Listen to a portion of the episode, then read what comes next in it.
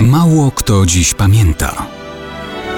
Datownik historyczny prezentuje Maciej Korkuć.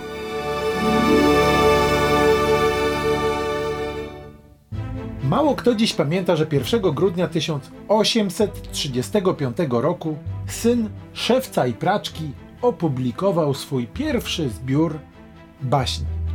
Wiele lat wcześniej swój debiut literacki podpisał jako William Christian Walter. Nikt tego nazwiska już dzisiaj nie pamięta.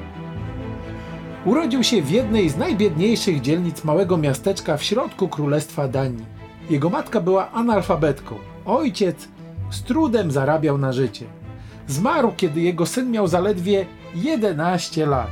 Syn musiał więc pracować, aby chociaż trochę wspomóc ciężką i słabo płatną pracę matki. Najmował się do różnych prac fizycznych, ale w wolnych chwilach żył własną wyobraźnią. Nauczył się czytać, chciał być aktorem, uczył się tańca baletowego, próbował być śpiewakiem. Wszystko bez powodzenia. Zajął się pisaniem.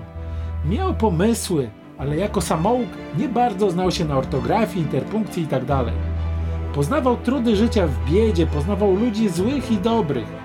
Znosił gorycz porażek, ale się nie poddawał.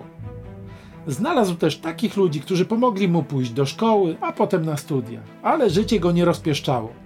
Był kochliwy i wrażliwy, ale urody Pan Bóg mu poskąpił. Zakochiwał się więc bez wzajemności. W 1835 roku miał dokładnie 30 lat, kiedy wydał baśnie opowiedziane dla dzieci. Okazały się wydawniczym sukcesem, więc tworzył kolejne bajki przez następne kilkadziesiąt lat. Pisał językiem prostym, codziennym, przystępnym dla dzieci. Jego baśnie były nierzadko pełne bólu i cierpień, takich, jakie spotykał w prawdziwym świecie. Łatwo trafiały do wyobraźni nie tylko dzieci, ale i dorosłych.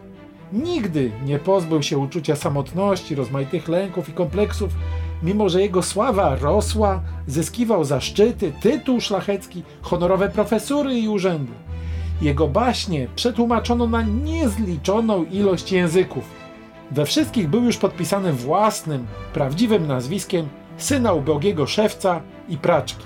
Dzisiaj prawie wszyscy znamy jego baśnie, chociaż niekoniecznie cokolwiek wiemy o prawdziwym życiu Hansa Christiana Andersena.